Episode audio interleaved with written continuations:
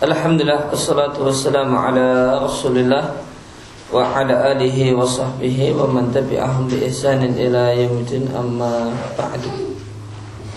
Ikhwatul iman rahimani wa rahimakumullah Sebelum kita lanjutkan Ada beberapa kata yang kemarin terlewatkan. Di halaman 82 kalau dicetakan saya perkataan Ibnu Qayyim Ikhtilatul rijal bin nisa fil aswaq wal furat wa majami'ir rijal. Al furat maknanya adalah jalan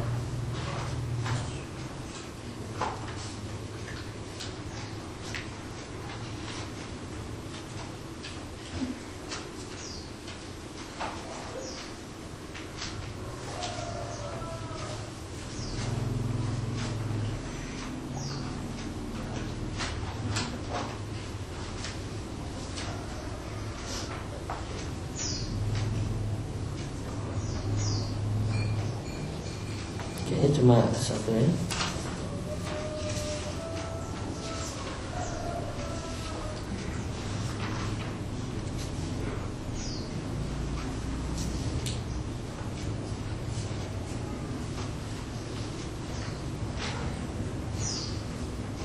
Sekarang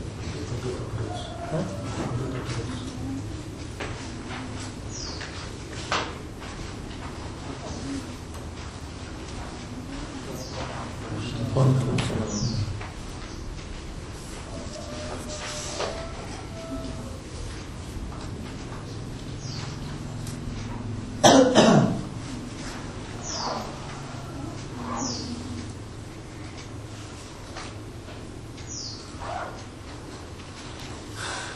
kita lanjutkan dalam kesempatan pada hari ini pada uh, poin bentuk-bentuk tabarut sekolah mu'alif rahimahullah taala. Tabaruju yakunu bi umurin dan yang namanya tabarut itu ada beberapa bentuk. Yang pertama adalah bentuk tabarut ada dengan melepas hijab dan perempuan menampakkan sedikit dari badannya amma rijal di depan laki-laki yang non mahram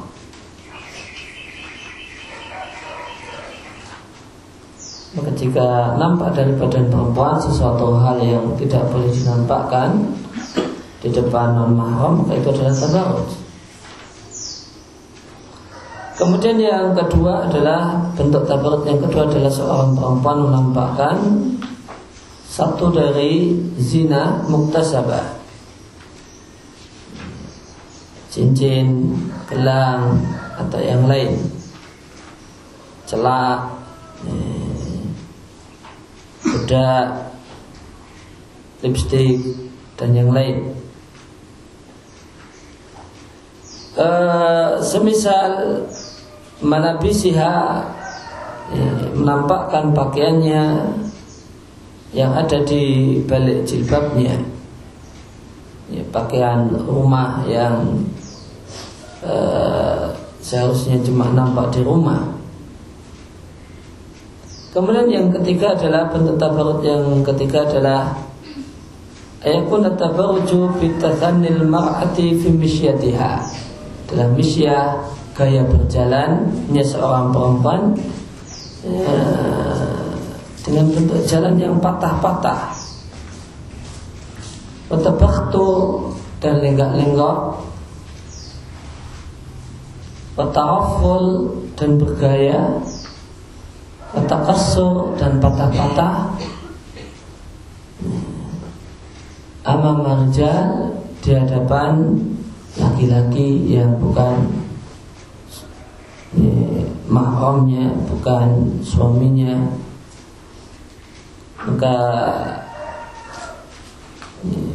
berjalan yang lenggak-lenggok eh, berjalan bergaya depan. Bukan suami ini termasuk tadarus Kemudian yang keempat bentuk tabarat yang keempat adalah bidar bil uh, bidar arjul. Memukulkan kaki. Eh, untuk memberitahukan zina yang tersembunyi. Ya ini boleh jadi asyadu tahrikan li syahwah Hal semacam ini lebih menggerakkan dan membangkitkan syahwat daripada melihat zina muktasabah. Kemudian yang kelima bentuk tabar yang kelima adalah bil khutub bil kaul adalah dengan kata-kata yang dilembutkan wal mulayanah bil kalam dan omongan atau kata-kata yang dilunakkan. Kemudian yang keenam ada bentuk tabarut dalam bentuk ikhtilaf birijal campur baur dengan laki-laki dan sentuhan badan antara badan perempuan dan badan laki-laki boleh jadi dengan jabat tangan atau desak-desaan di kendaraan umum pememarat dan jalan yang sempit dan semacam itu.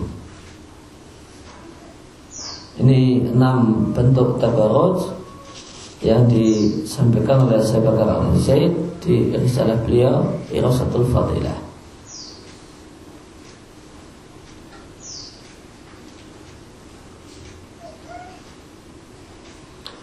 Uh, waniswatul uh, al-mutabarijat dan perempuan yang bertabarut mereka adalah mutawajilat perempuan yang bergaya dengan gaya laki-laki wal mutasabihat birijal atau perempuan yang bergaya, uh, menyerupai laki-laki atau menyerupai perempuan-perempuan yang kafir. Ini perempuan yang gayanya sebagaimana gaya laki-laki wahia. Dinamakan oleh sebagian orang Eropa dengan Jenis yang ketiga.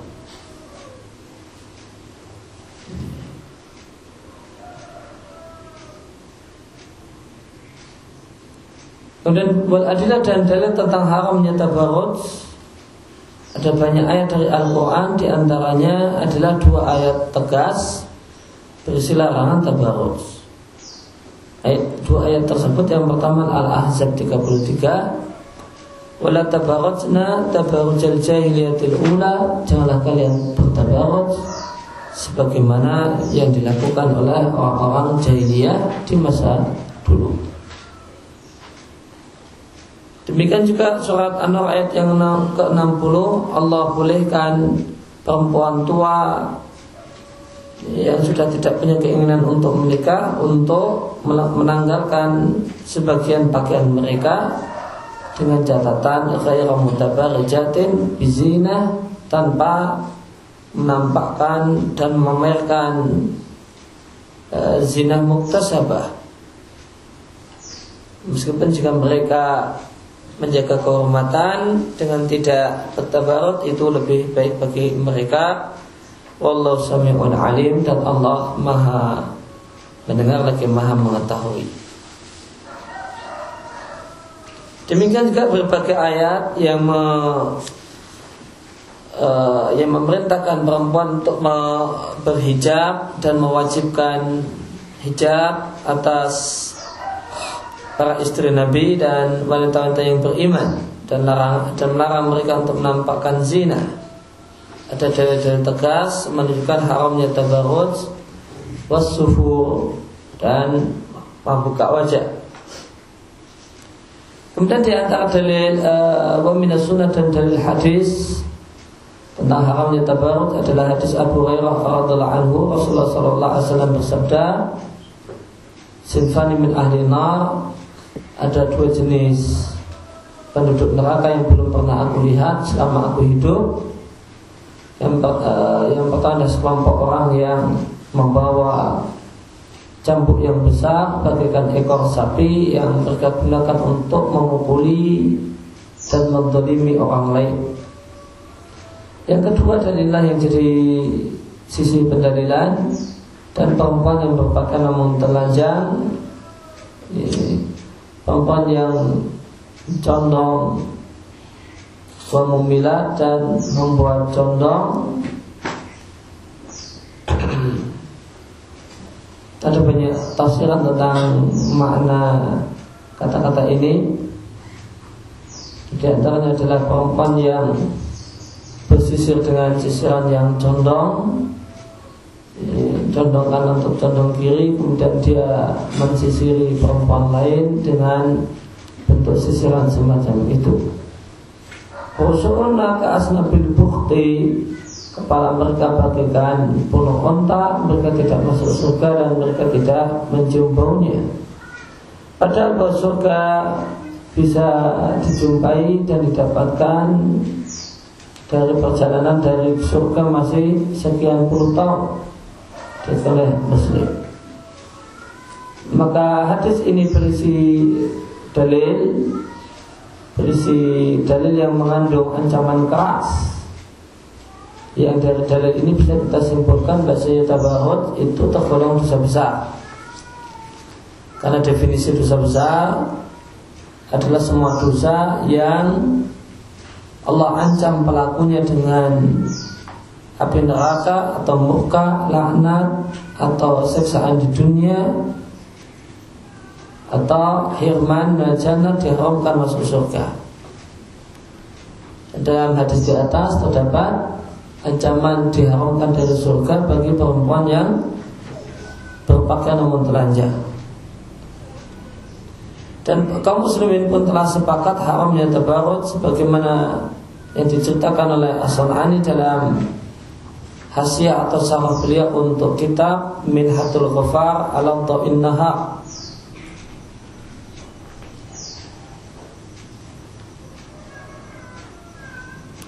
Demikianlah ditambah ijma' amali terkhususnya untuk masalah membuka wajah. Uh, ijma' secara praktek di mana tidak dijumpai perempuan yang tabarut di masa Nabi Shallallahu Alaihi Wasallam.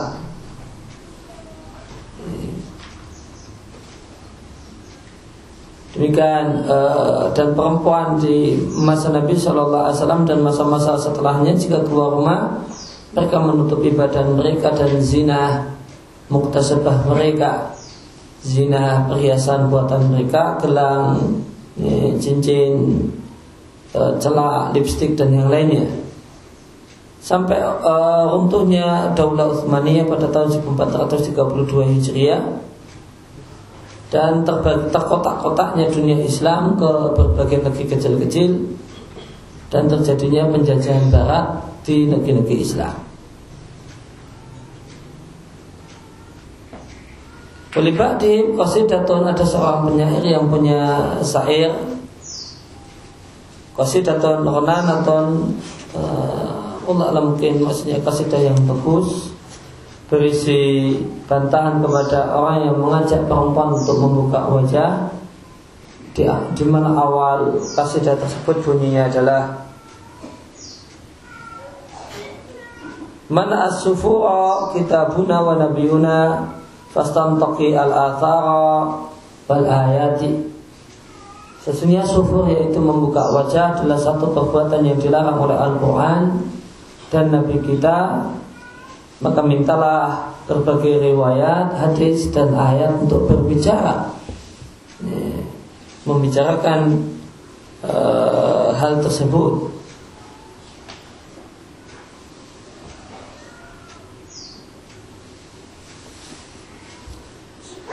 Kemudian berkaitan dengan uh, berkaitan dengan bahaya tabarut, maka hendaknya seorang muslim mewaspadai bidayah tabarut.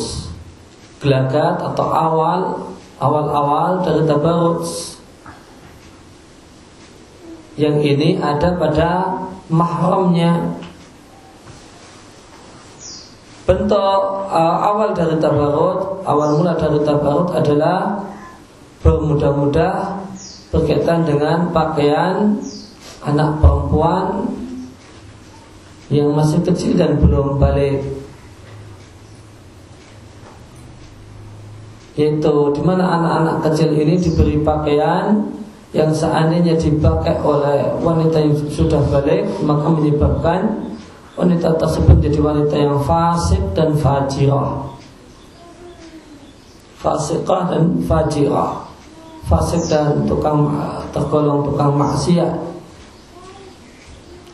E, semisal dengan alasan masih kecil belum dewasa maka kemudian di anak perempuan ini diberi pakaian yang mini Wadaik Pakaian yang ketat Dan keluar rumah cuma pakai Bintol Cuma pakai e, Celana Tidak dibiasakan pakai rok Atau semacam itu Syifab Demikian juga diberi pakaian yang tipis Sehingga bagaimanakah bentuk kulit atau warna kulit itu bisa tergambarkan dan pakaian-pakaian yang lain yang merupakan pakaian-pakaian calon penduduk neraka. Kama taqaddam fil hadis sahih sebagaimana telah uh, lewat hadis yang sahih tentang uh, perempuan-perempuan yang berpakaian namun telanjang. Wabihada tindakan ini memberi pakaian yang seenaknya untuk anak perempuan ketika keluar rumah ini dampak jeleknya adalah minal ilfi menyebabkan anak ini terbiasa. Biasa familiar ya, dengan tabarut dan sufu dan jika tidak biasa tentu ketika dewasa kok Eh, tiba-tiba diminta untuk berubah 180 derajat tentu satu hal yang sangat-sangat berat. Maka akhirnya terjadilah tabarut yang terlarang ketika sudah dewasa. Demikian juga pakaian semacam ini membiasakan anak untuk eh, menghancurkan dinding an-nufrah ketidaksukaan terhadap tabarruj. Maka anak tidak lagi punya perasaan antipati dengan tabarruj karena telah menganggap itu satu hal yang normal, biasa dan keseharian. Berzawalil haya dan jadi sebab hilangnya rasa malu dan satu hal yang jelas eh, tidak sama falyattaqillaha man wallahu Allahul adalah para orang tua yang punya kewajiban untuk mendidik anak bertakwa pada Allah Subhanahu wa taala dengan mewaspadai hal ini.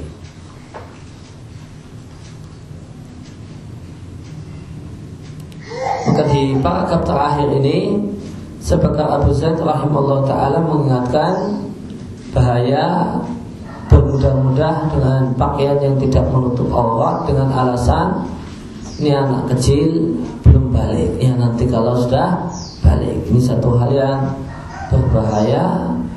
Meskipun anak kecil maka seharusnya kita biasakan dengan pakaian yang menutup pakaian yang memenuhi syarat sehingga dia terbiasa dengan amal soleh dan kebajikan dan pakaian yang benar sehingga ketika dewasa mudah baginya untuk melanjutkan apa yang telah menjadi kebiasaan di masa kecil.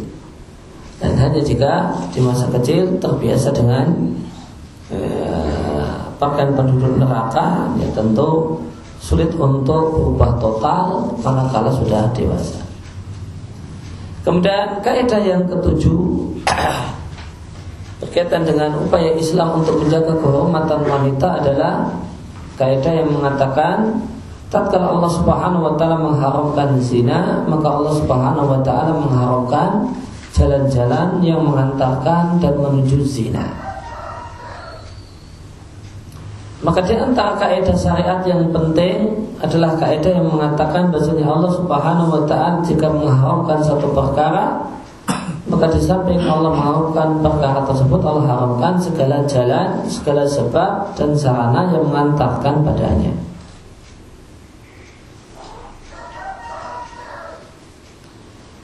Maka uh, maka hal ini dilarangnya jalan dan sarana adalah tahqiqan dan bentuk nyata benar-benar haramnya apa yang diharamkan.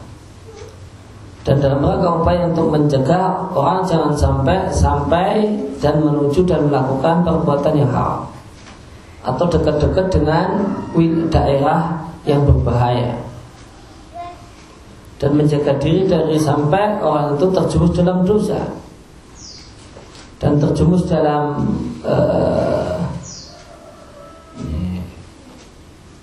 dampak-dampak uh, dosa di mana dampak dosa itu adalah membahayakan individu dan masyarakat.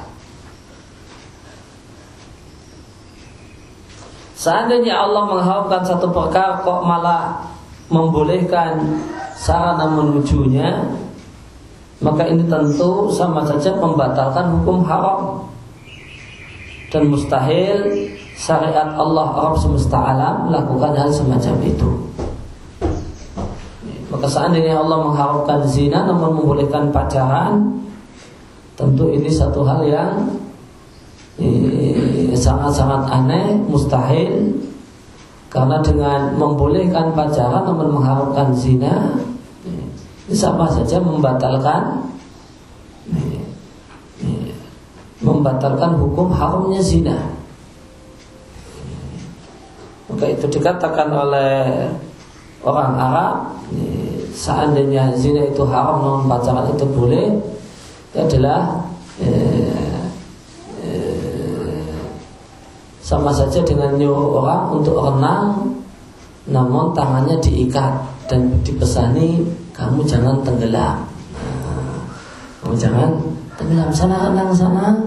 Enam tangan tak ikat salah renang namun ingat ya jangan tenggelam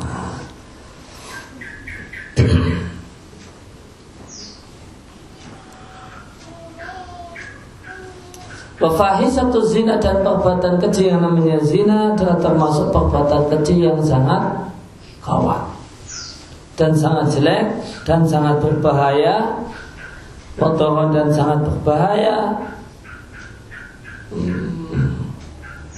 Wa akibatan dan sangat jelek akibatnya terhadap eh, satu hal yang sangat dijaga oleh Islam yaitu ad-din agama.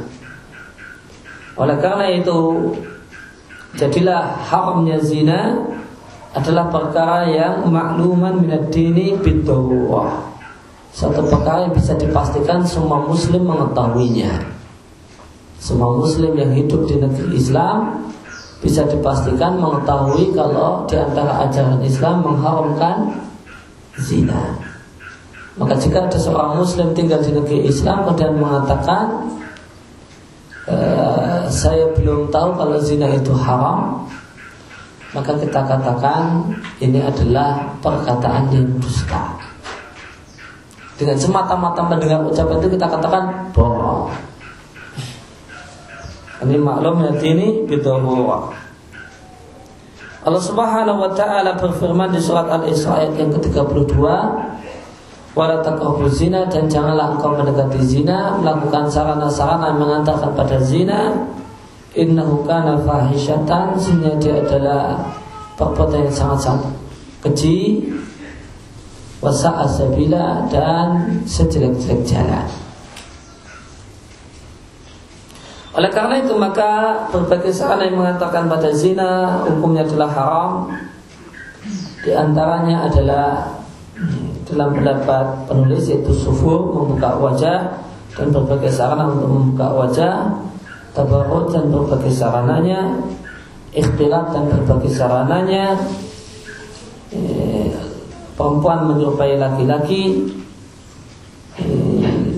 Demikian juga tindakan menyerupai wanita kafir dan seterusnya yang merupakan sebab-sebab e, melakukan perbuatan yang riba mencurigakan, fitnah dan kerusakan.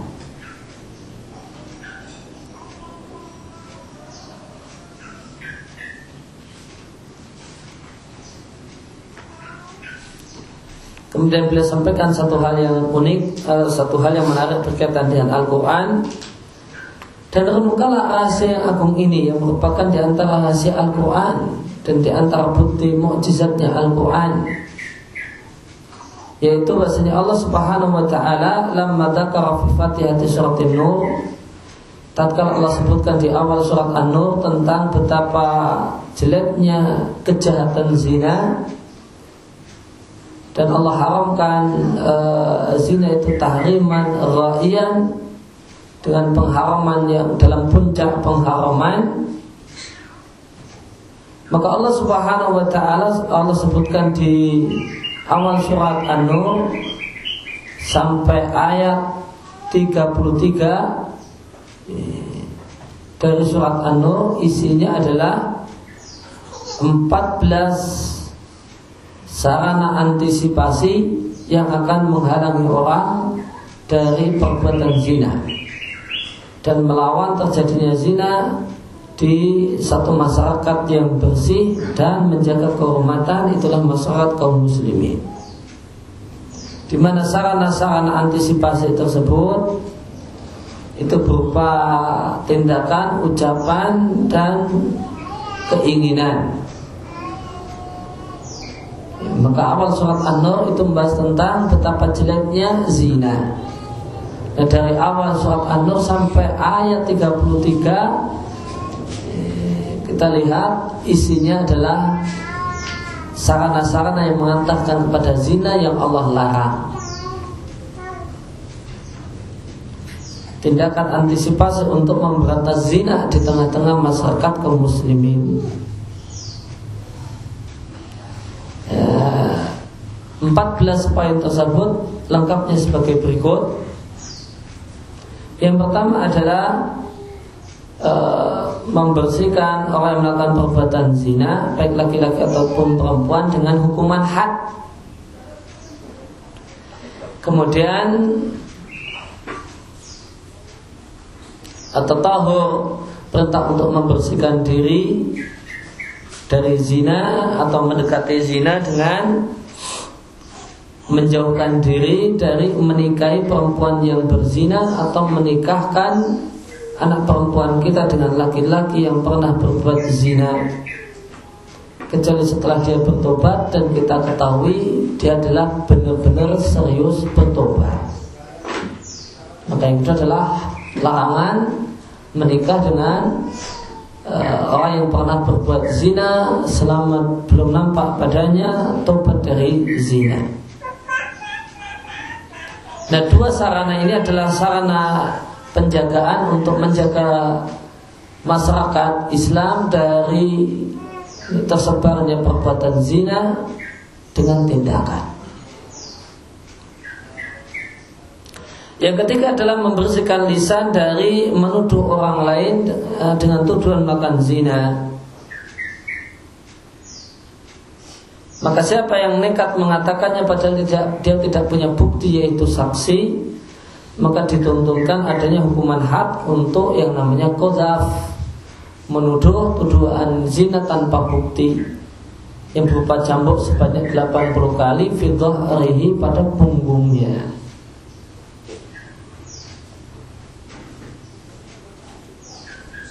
Kemudian yang keempat adalah membersihkan lisan para suami dari menuduh istrinya dengan tuduhan zina padahal dia tidak punya bukti. Wa illa jika dia tidak punya bukti yang tetap dia menuduh Maka ada ketentuan yang namanya li'an. Kemudian membersihkan jiwa dan menutupi hati Jangan sampai punya sangkaan yang jelek kepada seorang muslim. Kita sangka dia melakukan perbuatan zina dan membersihkan keinginan dan menghalangi keinginan jangan sampai menginginkan tersebar luasnya perbuatan zina atau berita perbuatan zina di tengah-tengah masyarakat kaum muslimin. Karena tersebarnya zina itu menyebabkan dampaknya lemahnya orang-orang yang mengingkarinya. Maka orang-orang soleh akan lemah dan semakin kuatlah orang-orang fasik wa ibahiyin dan orang-orang yang berpandangan hidup serba boleh yang penting gak nganggu uang.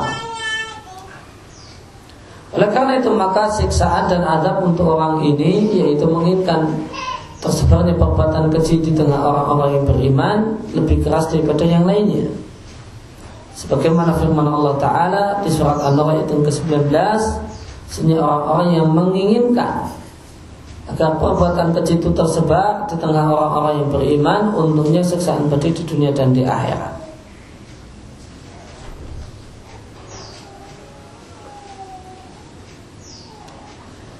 Eh, dan menginginkan tersebarnya perbuatan zina itu mencakup semua sarana keburukan yang mengantarkan pada perbuatan zina.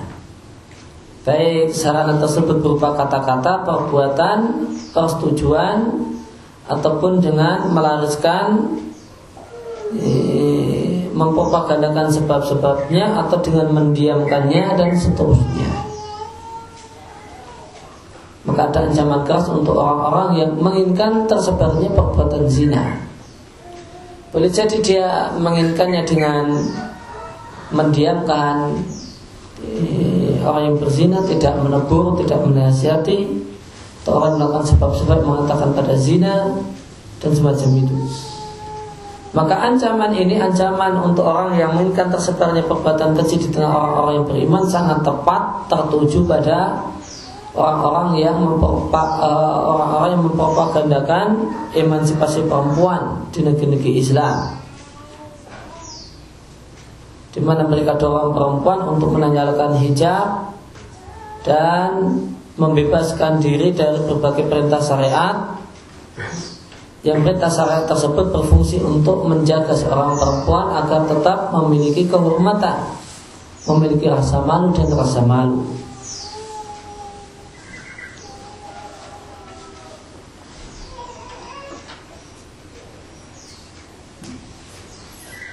Kemudian uh, sarana yang ketujuh untuk membersihkan masyarakat Islam dari kejahatan zina adalah al-wiqayah al-amma tindakan antisipasi atau penjagaan yang bersifat umum yaitu membersihkan jiwa dari berbagai was-was dan lintasan hati. Yang dia adalah aula khutuwat syaitan langkah-langkah setan yang pertama dalam jiwa orang-orang yang beriman untuk menjerumuskan orang yang beriman ke dalam zina. Fil minal fahisha. Mungkin adalah tindakan yang sangat penting untuk terjaganya seorang muslim dari perbuatan zina. Sebagaimana firman Allah Ta'ala Baik orang-orang yang beriman Janganlah kalian mengikuti langkah-langkah setan Siapa yang mengikuti langkah-langkah setan Sehingga setan hanyalah memerintahkan manusia untuk melakukan perbuatan yang kecil Yaitu dosa besar Wan mungkar dan kemungkaran yaitu dosa-dosa kecil Kemudian yang ke-8 adalah dituntunkan yang meminta izin ketika ketika punya keinginan untuk memasuki rumah orang lain sehingga pandangan itu tidak tertuju pada aurat dari keluarga pemilik rumah. Demikian juga yang ke-9 dan 10 adalah membersihkan mata dari pandangan yang haram kepada perempuan ajnabiyah, perempuan yang bukan apa-apanya. Demikian juga pandangan perempuan kepada laki-laki ajnabi. Yang ke-11 adalah diharamkannya perempuan untuk menampakkan zinahnya, zinah muktasabahnya lil ajanib anha kepada eh, laki-laki uh, yang ajnabi. Demikian juga melarang perkara yang menggerakkan birahi laki-laki dan membangkitkannya semacam memukulkan kaki untuk memperdengarkan gelang kaki. Maka ini mendorong dan menarik datangnya orang-orang yang punya jiwa yang sakit yaitu kena sakit syahwat untuk punya keinginan yang tidak-tidak. Dan perintah Allah Subhanahu wa taala yang terakhir yang ke-14 adalah Allah perintahkan untuk bersabar menjaga kehormatan orang-orang yang belum memiliki biaya untuk menikah.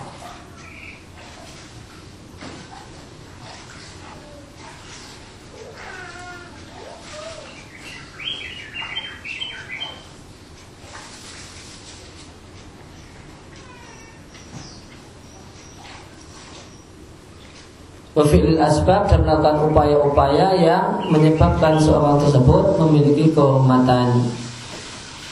Inilah 14 poin yang ada di awal surat An-Nur sampai ayat yang ke-33 dari surat An-Nur yang jika lihat kita lihat memiliki fungsi untuk mencegah tersebarnya e, kejahatan zina di tengah-tengah masyarakat Islam. Dan Al-Quran dan uh, dan Sunnah itu penuh dengan minta syari al-asbab menetapkan berbagai sebab watadabir al-waqiyah dan upaya-upaya penjagaan dari terjadinya perbuatan kecil itu zina untuk laki-laki dan perempuan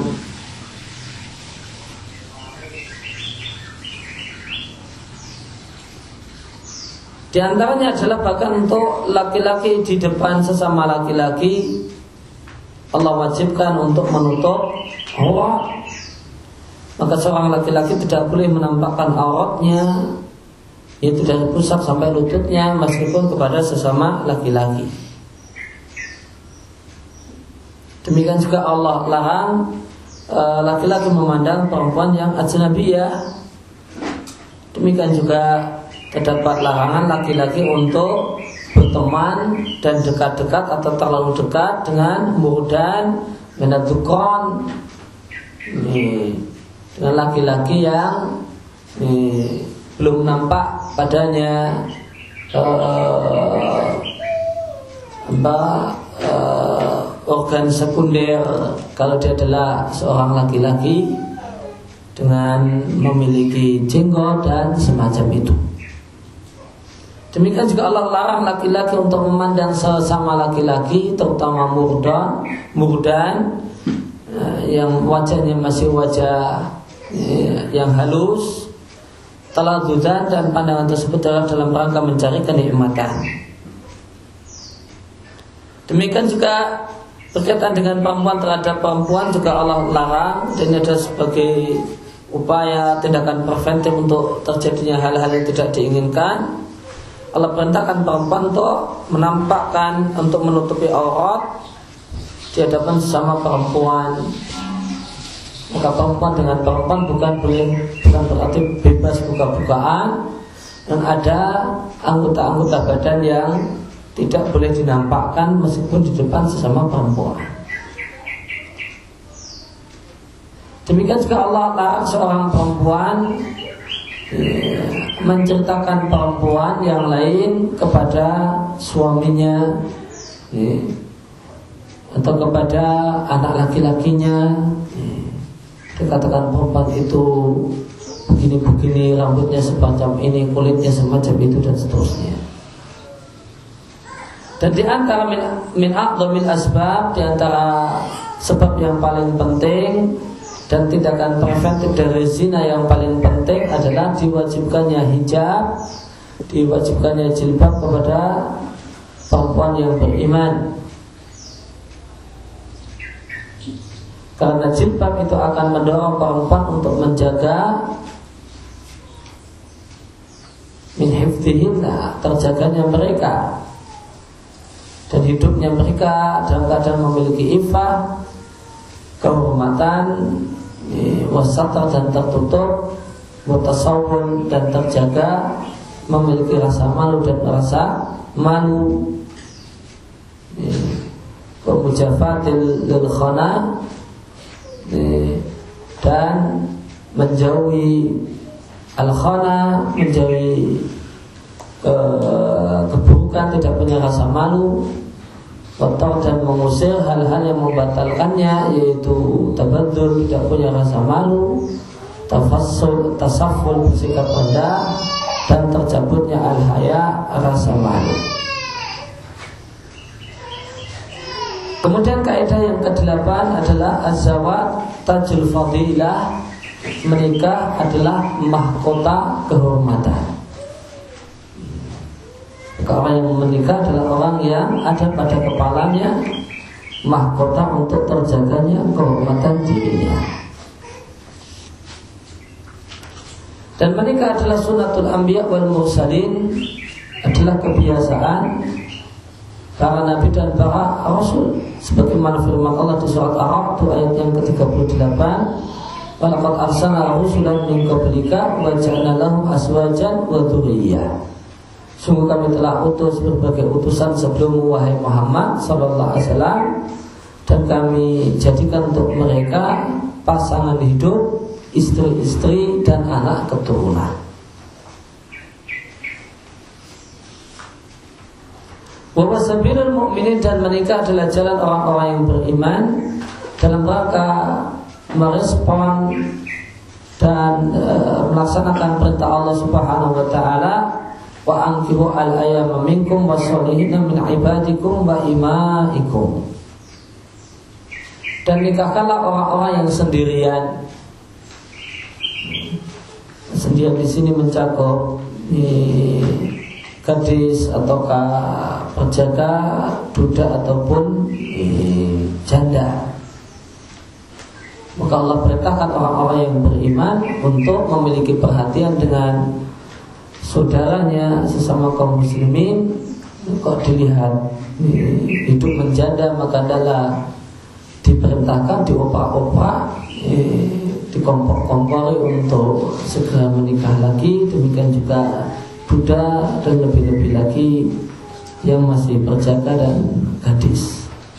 Maka tugas kaum muslimin untuk mengopak-opak untuk menyemangati agar segera menikah jika memang telah saatnya dalam rangka melaksanakan perintah Allah angkihu al ayama dan nikahkanlah orang-orang yang sendirian di antara kalian. Sebagian ahli tafsir mengatakan angkihu di sini perintah ditujukan kepada wali. Ini adalah pendapat yang kurang tepat ya, karena al ayama itu tidak hanya mencakup gadis dan janda namun juga mencakup laki-laki. Sehingga ini perintah uh, yang ditujukan kepada kaum muslimin uh, untuk ya, memiliki semangat membantu orang lain, mendorong orang lain dari uh, agar segera menikah. Wasalihina min ibadikum wa imaikum dan nikahkanlah budak-budak kalian yang laki-laki dan perempuan jika dia adalah budak yang saleh. Saleh di sini kalau ditafsir Sa'di mencakup dua makna. Yang pertama adalah saleh agamanya,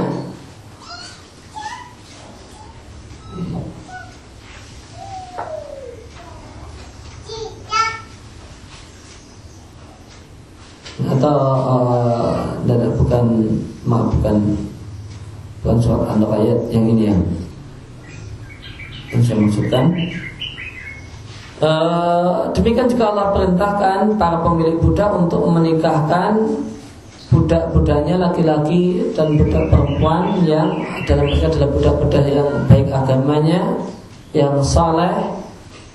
Eh, maka ini perintah ditujukan kepada para pemilik budak Yakunu fuqara yughnihumullah min fadli. Jika mereka uh, itu menunda nikah karena khawatir kemiskinan maka Allah katakan Allah akan cukupi mereka dari sebagian karunia-Nya. Wallahu wasi'un alim. Dan Allah maha luas dan maha mengetahui Sedangkan orang yang asli memang tidak punya biaya Maka tidak perlu memaksakan diri. Allah katakan Waliyasta'fifil ladina la nikahan. Maka adalah bersabar untuk menjaga kehormatan Orang-orang yang memang benar-benar Tidak memiliki biaya untuk menikah.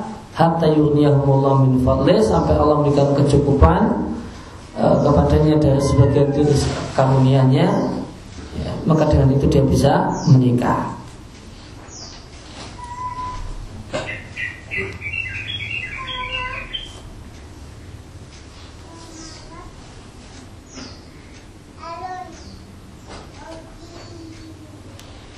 Fa'ala min Maka ayat ini surat An-Nur ayat yang ke-32 ini adalah perintah dari Allah azza dia adalah yang mulia dan perkasa kepada para wali untuk menikahkan orang-orang yang sendirian yang ada di bawah kewaliannya.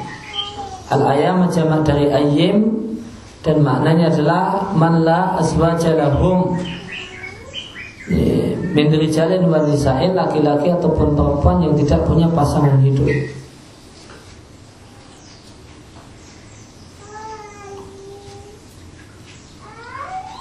Dan kita katakan perkataan Syekh di sini kontradiktif. Beliau katakan lil aulia perintah untuk para wali, namun eh, untuk menikahkan rijal wanita. Maka untuk menikahkan rijal tidak butuh wali. Eh, menikahkan rijal laki-laki tidak perlu wali.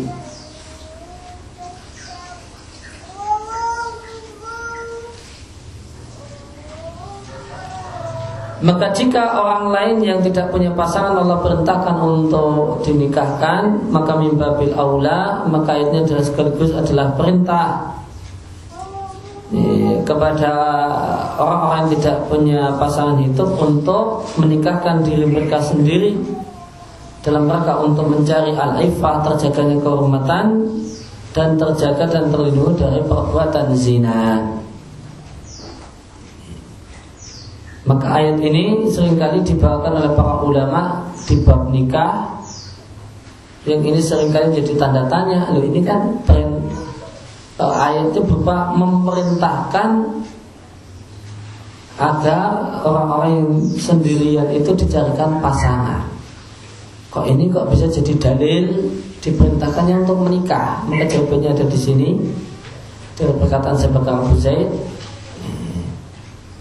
maka jika orang lain itu diperintahkan untuk diupayakan agar segera menikah, maka mengupayakan diri sendiri agar segera menikah tentu itu mimbabil aula tindakan yang seharusnya dilakukan.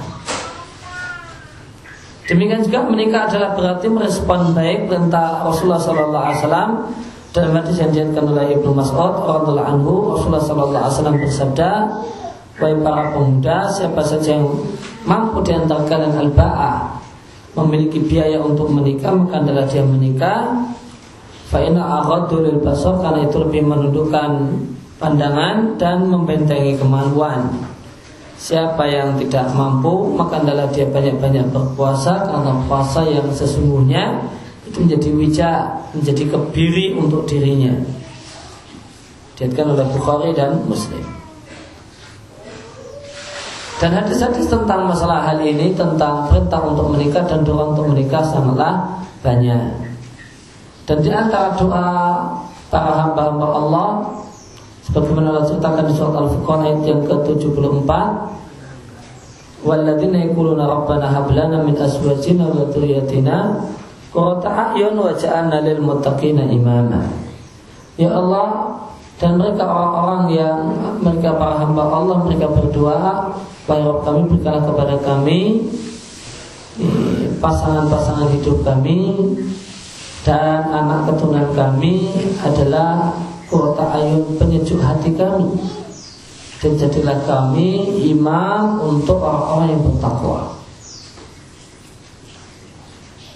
Maka kalimat ini tidaklah layak diucapkan kecuali orang yang menikah sehingga dia punya pasangan dan bisa punya berharap memiliki keturunan.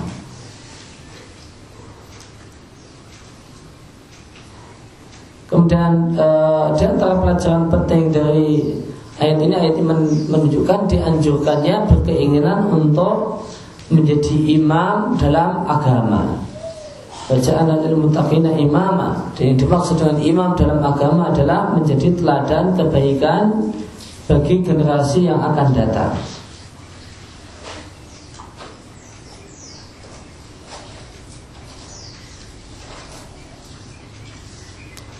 Oleh karena itu maka Nabi Shallallahu Alaihi Wasallam mengingkari orang yang tidak mau menikah dengan tujuan supaya bisa giat ibadah, supaya bisa maksimal untuk sholat malam dan berpuasa kalau siang hari. Nabi katakan, Amawullah inilah aksakum lillahi wa atqakum lah. Demi Allah aku adalah orang yang paling merasa takut kepada Allah dan paling bertakwa di antara kalian kepada Allah. Apa beda aksakum dengan atkokum? Bedanya aksakum itu berkaitan dengan ilmu dan atkokum berkaitan dengan amal. Artinya aku adalah orang yang betul-betul paling berilmu di antara kalian tentang Allah dan aku adalah orang-orang yang paling bertakwa dia, paling giat beramal dan pertama mendapatkan takwa di antara kalian.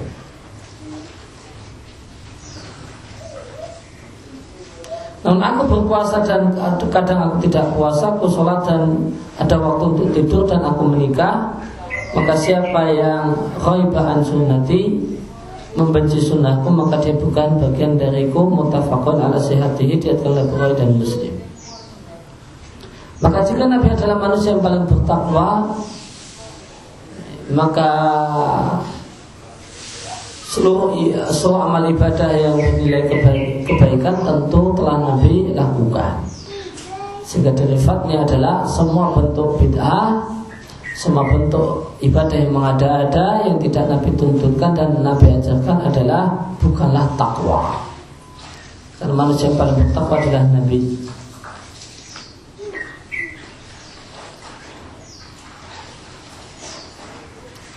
Uh, wazawat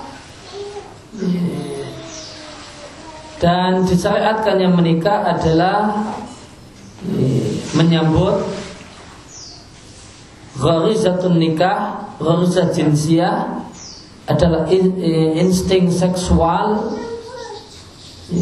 Yang ada pada setiap laki-laki dan perempuan Dengan cara yang sehat Yang bersih Musmir dan cara yang Membuahkan manfaat Maka disyariatkan yang menikah adalah bentuk uh, talbiyah sambutan Allah Subhanahu wa taala terhadap keinginan seksual yang ada pada setiap manusia.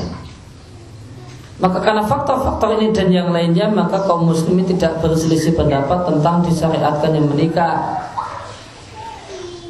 dan hukum asal menikah untuk orang yang khawatir dirinya terjumus dalam zina dan terjatuh dalam perbuatan kecil yaitu zina hukum asalnya adalah wajib. Maka wajibnya ini semakin ditekankan ketika ma'arikotidin Ketika kondisi keagamaan masyarakat itu lembek Ditambah banyaknya muriat faktor-faktor pendorong untuk ajaan-ajaan untuk berzina Karena seorang hamba memiliki kewajiban untuk menjaga kehormatan dirinya Dan mencegah dirinya jangan sampai melakukan yang haram dan di antara cara yang efektif untuk itu adalah pernikahan.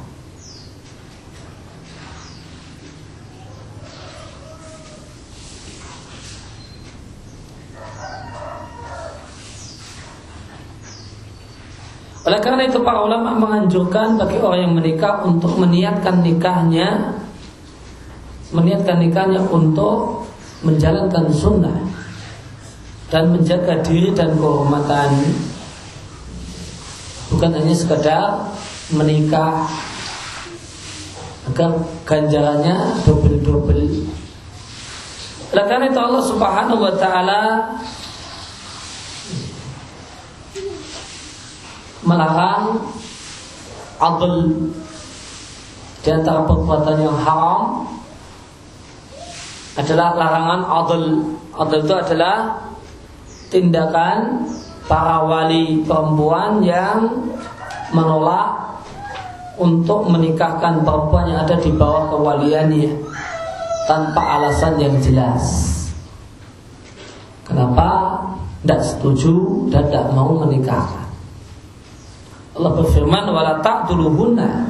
Janganlah kalian melakukan adl, janganlah kalian para wali melakukan adl, ayangkihna aswajahunna jika mereka ingin menikah kembali dengan mantan-mantan suami-suami mereka. Nah, ayat ini turun berkaitan dengan seorang sahabiah yang uh, uh, walinya adalah kakak laki-lakinya di mana perempuan atau sahabiah ini dicerai oleh oleh suaminya sampai masa idah berakhir Ya, kemudian setelah masa idah berakhir kok akhirnya kok keduanya pengen nikah lagi maka datanglah uh, sang mantan suami ini kepada sang wali untuk melamar dan ingin menikah lagi dengan adik perempuannya, adik perempuan si wali. Maka si wali ini uh, ya menolak lamaran dengan mengatakan kemarin dah tak kasihkan baik-baik, eh kamu cerai sekarang kamu minta lagi, dah, dah tak terima lamaranmu, dah tak terima lamaranmu. Kemarin dah tak kasihkan adikku padamu, dah tak nikahkan baik-baik, kau sia-siakan, kau buang, kau campakkan, nah, kau ceraikan, eh setelah masa idah berakhir, mau kau lamar lagi. Kamu ini orang payah Laki-laki Tidak urus dah Saya tidak mau nikahkan lagi. Padahal si adik perempuannya juga ingin balik lagi dengan uh, suaminya. Maka kemudian sang perempuan ini mengadukan kasus kakaknya kepada Rasul Sallallahu Alaihi Wasallam. Maka turunlah ayat ini. Fala ta'duluhunna ayankihna aswajahunna maka janganlah kalian para wali menolak untuk menikahkan e, tidak mau menikahkan perempuan yang ada di bawah kekuasaanmu e, tanpa alasan yang jelas.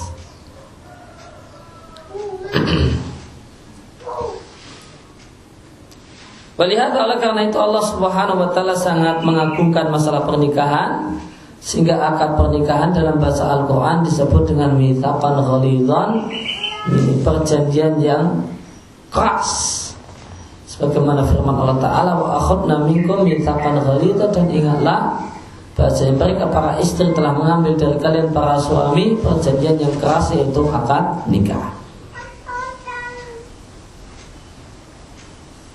Ya, demikian yang kita baca pagi hari ini. Uh, Insya Allah kita lanjutkan di pertemuan yang akan datang. Wassalamualaikum warahmatullahi wabarakatuh. Wassalamualaikum warahmatullahi wabarakatuh. Alhamdulillahirobbilalamin. Subhanaka Allahumma la ilaha illa anta astaghfiruka wa atubu ilaik.